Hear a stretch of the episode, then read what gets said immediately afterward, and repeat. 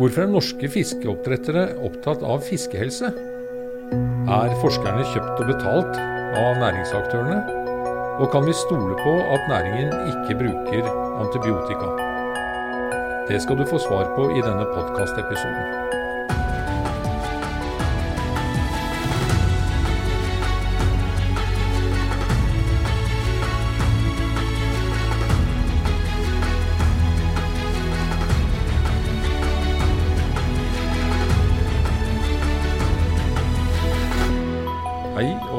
Velkommen til denne podkastsendingen 'Matnyttig forskning' fra Nofima.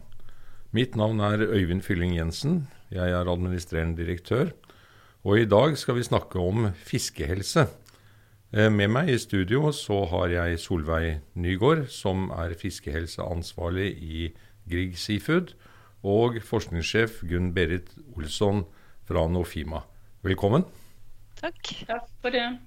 Fiskehelse er jo et stort eh, område. Hvorfor er dere som næringsaktører opptatt av fiskehelse i det daglige, Solveig? Når vi har tatt levende, et levende vesen som er full av sanseorganer og har mulighet til å føle smerte i vår varetekt, så er det vårt ansvar å drifte denne organismen med sånn at han får best mulig helse og best mulig velferd. Og uten god helse og god velferd, så, så, er det i tillegg et dårlig økonomisk utbytte, og det er ikke etisk forsvarlig å drifte. Nei, Så dere er opptatt av etikken oppi dette, og ikke bare pengene? Ja, det er klart. Det er et stort ansvar å ha levende organismer i sin varetekt. Men hvordan er status for fiskehelse i norsk oppdrett? Den er veldig eh, varierende. Um, og egentlig så har det blitt gjort veldig mye tiltak. Sånn at eh, etter hvert som problemene har dukket opp, så har de blitt løst og i hvert fall minimalisert. Men vi har fortsatt utfordringer i dag. Men vi kan ikke si at eh, fiskehelsen til eh, laks og regnbueørret i dag er, er veldig dårlig i Norge. Den er eh, akseptabel, men kan forbedres. Har de dyrene det dårligere enn eh, dyr på landjorda, eller vil du si at den er bedre? Nå har jo jeg vært eh, veterinær også i, ute i, i, landbruket tidligere, og også sett der veldig store variasjoner. Eh, og det har vi også innen fiskeoppdrett. Men stort sett så vil jeg si at fisken i havet og i tankene våre har det vel så bra som produksjonsdyr på land. Det er jo veldig betryggende å høre. Eh, men et sånt spørsmål som dukker opp da, hva vil du si er de største utfordringene med tanke på fiskehelse i dagens havbruksnæring? I Norge så har vi fortsatt noen eh, syk, virussykdommer. Eh, men i tillegg så er det at vi må håndtere fisken litt for mye i sjø. Det jobber vi veldig hardt for å unngå. Altså, vi må behandle den for lus, og det ønsker vi å redusere. Vi ønsker rett og slett ikke å behandle den, bare la den gå i, i sjøen i merden til den skal slaktes. Men du sier lus er jo et uh, stort eh, problem. Og det er jo sånn at uh, det er jo fra myndighetenes side satt i gang med trafikklyssystem, det er satt i gang med tiltak. Men er det bare lus det er snakk om, eller er luseproblematikken det som overskygger hele eh, fiskehelsediskusjonen? Eh, problematikken omkring lakselus er veldig dominerende. Den er det. Men vi har jo selvfølgelig andre utfordringer som eh, vi har gjellamøber som går på fisken av og til. Og vi har også disse, som sagt, disse virussykdommene som vi egentlig vaksin, kan vaksinere mot, men eh, som likevel gir oss eh, plager. Mm. Men eh, da må jeg over til eh, forskerne. Og spørre deg, Gunn Berit. Hva er da forskningens rolle oppi dette? her? Vanlig inntrykk vi har, er jo at forskeren sitter og titter inn i et mikroskop og er så fjernt unna produsentene at dere lever i to verdener. Men Kan du si litt om hvordan dere jobber? Ja, det kan jeg. Eh, det er riktig at vi sitter og titter ned i mikroskop og ser på gener og ser litt på hva, som, hva slags respons eh, fisken gir på de ulike utfordringene, som den opplever.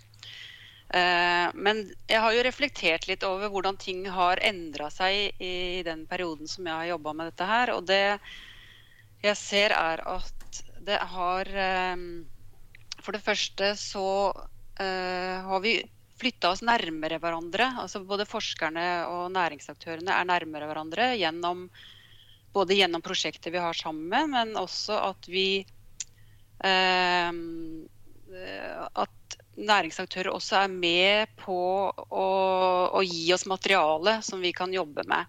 Og Det betyr jo at vi får en helt annen forståelse for realitetene. For det er veldig fort gjort at man sitter og når man er veldig ned i detaljene, så kan man ha en god forklaring på ja, dette skyldes øh, sånn og sånn. Uh, men så har vi jo lært at uh, livet skjer i merdene og ute i næringen. Og det må vi også ta inn i, i forskningen. Og det gir oss også bedre forskning fordi vi får en bedre forståelse av de problemene som vi skal hjelpe til med å løse. Da. Ja, Men når du da eh, sier at dere har kommet tettere på næringen, er det sånn at eh, dere er kjøpt og betalt? Nei, det er vi ikke. Eh, det er eh, både positive og negative sider ved å være tett på næringen. og det er klart at Akkurat det spørsmålet der kommer jo opp. Men, men det er jo det som jeg sier, at uh, det, gir, det, at vi er tett på næringen, betyr at vi får uh, bedre forståelse for problemene som vi skal jobbe med. Uh, de kan komme til oss med en utfordring og, og si at vi, de vil gjerne ha hjelp til å finne en løsning på dette her. Det er utgangspunktet, og der stopper også innblandingen fra næringens side. For det betyr at vi må da eh, bestemme ok, hva, hva tror vi er løsningen på dette. Vi må dykke inn i den problemstillingen. Eh, og vi må designe hvordan eh, forsøkene skal gjøres. Det er vi som eh, må gå god for resultatene. De skal eh, evalueres av fagfelle, gjøres fagfellevurdering. Det skal kunne gjøres på nytt. sånn at det, er, det, det går ikke an å bestille resultater. Det går an å bestille ønske om en løsning. Det er jo ganske betryggende, men sett fra næringens side, da, hvordan ser det ut fra den andre siden av bordet? Solveig? Ja, eh, det er jo et hav av ting vi ikke vet, og som vi ønsker å forbedre i vår produksjon. Og Da er vi avhengig av en uavhengig forskning. Eh, så vi er helt nødt til å spille inn til forskerne. Det er ikke alltid vi er helt fornøyd med resultatene deres, men da må vi forholde oss til de resultatene og legge om produksjonen etter det. Ja, Det er veldig godt å høre. Vi var jo så vidt innom lakselus, og da kommer vi jo ikke innom dette fenomenet med at det brukes lakselusmidler, det brukes uh, kjemikalier. Men hvordan ser dette ut i et sånn dyreproduksjonsperspektiv? Er havet fullt av antibiotika? Nei, antibiotika har, vi, har ikke jeg skrevet ut til laks på i hvert fall 25 år. Så det, og det er nesten ingen produksjon av det, bruk av det i lakseoppdrettet. Og ikke minst i forhold til de enorme verdiene med mat og mengdene med mat som produseres. Når det gjelder lakselusmidler, eh, så har det vært brukt bademidler og midler i fôr til å håndtere eh, lakselus. Eh, og det har hatt en veldig, vi er veldig restriktive med det, for det slippes jo ut i havet. Eh, og vi har også miljøovervåking, men det er en dramatisk reduksjon siden 2015 i bruken av lakselusmidler. Men noe forbruk er det. Mm. I dag eh, har vi funnet teknikker, både bedre forebyggende teknikker og også ikke-medikamentelle teknikker til å be behandle lakselus. Har forskerne noen eh, lure knep i skuffen? Eh, ja, altså veldig mange av disse eh, tiltakene er basert på eh, grunnkunnskap faktisk om lakselusen. F.eks. hvor finnes lakselusen når den infiserer laksen. Hva kan du gjøre for å tiltrekke deg luselarvene? Så det testes f.eks. ut lys, lys som tiltrekker seg larvene, og så suger de ut for å få ned smittepress. Så det, er, eh, det baseres, Ny teknologi baseres på forskningsresultater. Så dette er veldig sammenvevd. Ja, og Da gir du meg egentlig stikkordet til ny teknologi. Og spørsmål til deg, Gunn Berit, med tanke på hvordan er fiskehelsen da når vi innfører ny teknologi? Um det går ikke an å si, sette ett svar på det. Eh, men det som er viktig når man eh, tar i bruk ny teknologi, det er jo å, å kjenne fisken godt. Kjenne responsene, vet, vite hva som påvirker fisken. Uh, og jeg tror nok du kan, du kan oppleve både at fiskehelsen blir mye bedre. Det er klart at noe, Hvis man snakker om type lukka systemer, så vil du kunne beskytte mot en viss form for smitte. Men så kan det være andre ting. Det er ikke bare agens eller bakterier og virus som, som gjør eh, fiskevelferden god eller dårlig. Eh, det er ganske mange andre faktorer som handler om eh, miljøet, vannmiljøet ikke minst, som fisken jo svømmer rundt i uh, uansett om den vil eller ikke. Eh, strømhastighet, hvor mye den håndteres. sånn at Eh, det er viktig at det er god dialog mellom eh, biologer og teknologer når man skal utvikle nye systemer, og at man tester det ut på fisken og ser hva slags respons den gir. Så da er du inne på dette at eh, det er ikke bare og Da ser jeg på deg, Solveig. Det er ikke bare veterinæren som lever i sin endimensjonale verden med meg og min pasient eller meg og mine pasienter. men vi får inn helt andre fagområder som vi er nødt for å ta hensyn til når vi ser på moderne fiskevelferd. Ja, det er jo det som gjør det så spennende. Eh, at det er et, eh, det er et veldig tett samarbeid, og, og en bruker hverandres erfaringer. Og når en da f.eks. utvikler et nytt, eh, en ny metode å behandle lakselus, så bygger det på sånne grunnerfaringer, ofte fra forskning. Og så, når det skal utprøves, så er jo vi på merdkanten. Vi må se at det ikke er eh, ikke, altså at det ikke er uheldige effekter på fisken. Det er det jo ofte, at vi må rette på det etter hvert. Um, så, sånn går utviklingen. Det er tett, eh, tett, tett, samarbeid, og vi er veldig avhengige av hverandre. Ja. Det, det, er jo godt å høre at denne tverrfaglige tilnærmingen er eh, viktig. Når vi ser da at eh, vi produserer i dag eh, i Norge rundt 1,3 millioner tonn fisk, og så hører vi om høye tapstall, eh, og at tapstallene ikke kommer nedover. Er det riktig? Eh, gjennomsnittet er nok helt eh, riktig. Men det vi skal være klar over, er det er en veldig stor variasjon i disse eh, tapstall eller dødelighetstallene. Eh, så noen steder produserer man med kanskje bare noen få prosent tap i hele perioden i sjø, mens andre steder har en mye mer tap. Og Det kan jo også være forhold i havet. Det kan være alger, maneter, som gjør at en får eh, dø, u, altså uventet og uforutsette dødeligheter. Men det, det er, vi har gjort enormt mye for å få ned tapstallene. Eh, vi, hver laks vaksineres med, mot minst fire-fem bakteriesykdommer og to, ofte to-tre virussykdommer. Eh, og I tillegg er det veldig mye jobb med fôret. Eh, vi i Grieg Seafood har nå et prosjekt for vi, er ikke fornøyd med robustheten til stor smolt, for vi prøver å få smolten større og større. Og Da har vi et, eh, et gjennomgang av alle produksjonsdata for å se hva er det vi kan forbedre for å gjøre smolten mer robust når den går i sjøen. Eh, men vi har forbedringspunkt, men det er gjort mye. Ja. Det høres jo litt ut som uh, sånn koronabekjempelse. At uh, først så tar vi og gjør en rekke tiltak for å redusere smittepresset, og så får vi vaksiner. Og så kombinerer vi alle de tiltakene for å få en bedre helse i befolkningen. Og det, er det samme som da skjer i oppdrettsnæringen. Ja da. Ja, det er samme prinsippene. Ja, men det er godt å høre. Hvis jeg skal ta liksom og begynne å gå inn for landing i denne lille podkasten. Eh, Gunn Berit, hva er det du ser på som de største utfordringene fra et forskningsståsted? Um, jeg tror at uh, noen av de største utfordringene er, uh, som jeg vel sa i stad, at livet skjer i, næringa. Uh, vi kan finne, ha løsninger på mange problemer.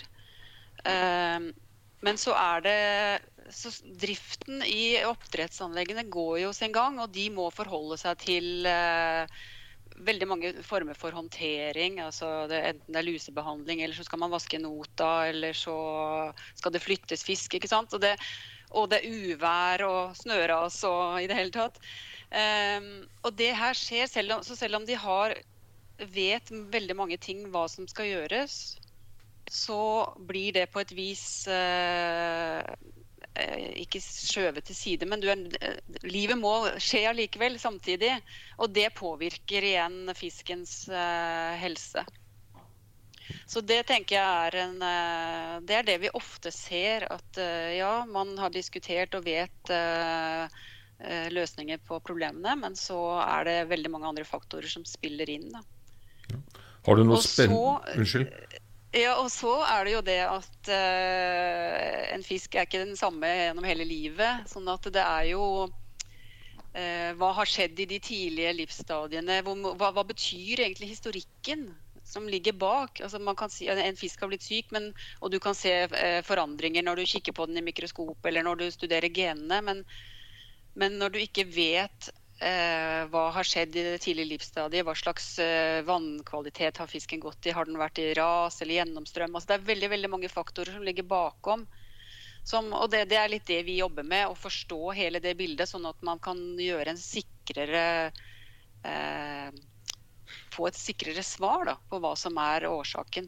Og som kan brukes igjen på å styre ja. videre. Mm. Nå, nå, hørte jeg en sånn uh, fagterminologi som RAS, som uh, egentlig er uh, resirkulering i akvakultursystem. Ja, det, så, det så, det er bare sånn for den, at vi skal ha med oss folkene. For ras er jo også noe annet som kommer, f.eks. snøras. Og det er jo ikke Absolutt. det vi snakker om. Mm. Har du noen spennende forskningsprosjekter som dere er involvert i nå? Eh, Gunn-Berit? Ja, det har vi hele tiden. Eh, og det, veldig mye av det vi jobber med, handler jo om det med, med, forebyggende fiskehelse. Og det å forstå litt det som jeg var inne på. At vi, vi gjør grundige analyser i fiskens vev og organer.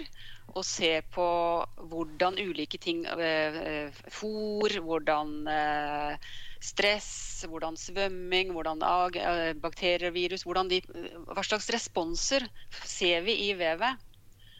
Eh, og så eh, er tanken da å utvikle verktøy som man kan bruke som en, på sikt da, kan kunne brukes av næringen for å kunne gjøre målingene selv. Så dette her jobber vi veldig mye med, både i laben og eh, ute på merdkanten. Og i våre egne forsøksstasjoner også, for å teste hypotesene våre. Så det er en kjede fra laboratoriebenken og helt ut til der hvor uh, du er ute i det daglige, Solveig? Ja, vi uh, imøteser jo bedre metoder til å måle pulsen på, på helsen på laksen i merden. Det er også veldig mye spennende som skjer med kamerateknologi for tiden, og atferdsobservasjoner. Så det er vi veldig tungt inne i. Ja. Altså kunne tolke fiskens uh, helse ut fra atferd i kamera. Veldig, veldig spennende. Så det er litt sånn eh, En ny filmstjerne nær deg er uh, live on kamera, hvor du kan gå inn og se Sånn står, står det til i merda hos Grieg.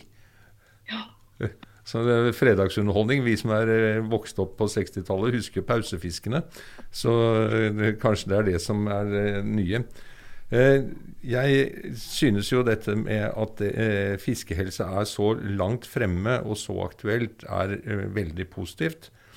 Hvis du skulle komme med et lite budskap sånn mot helt på slutten, Solveig, hva skulle det være for noe? Det foregår veldig mye god forskning i Norge, og med god kontakt mot næringen. Og det er veldig viktig at den opprettholdes. Ja, det er jo et uh, godt budskap. Og hva er ditt drømmescenario, Gunn Berit? Det, det, går jo på det samme, selvfølgelig. Det kunne, jeg bruker jo å si at uh, vi jobber med språkforskning for å forstå fiskens uh, ordløse språk. Og det at vi på sikt kan sitte med et godt knippe verktøy som kan brukes i den samtalen mellom oppdretteren og fisken, det er drømmescenario. Et av de. Ja, da har jeg bare lyst til å si tusen takk for denne gode samtalen mellom eh, forskeren og fiskehelsepersonen. Og tusen takk til deg, lytter, for at du ville være med oss og høre på matnyttig forskning. Velkommen igjen.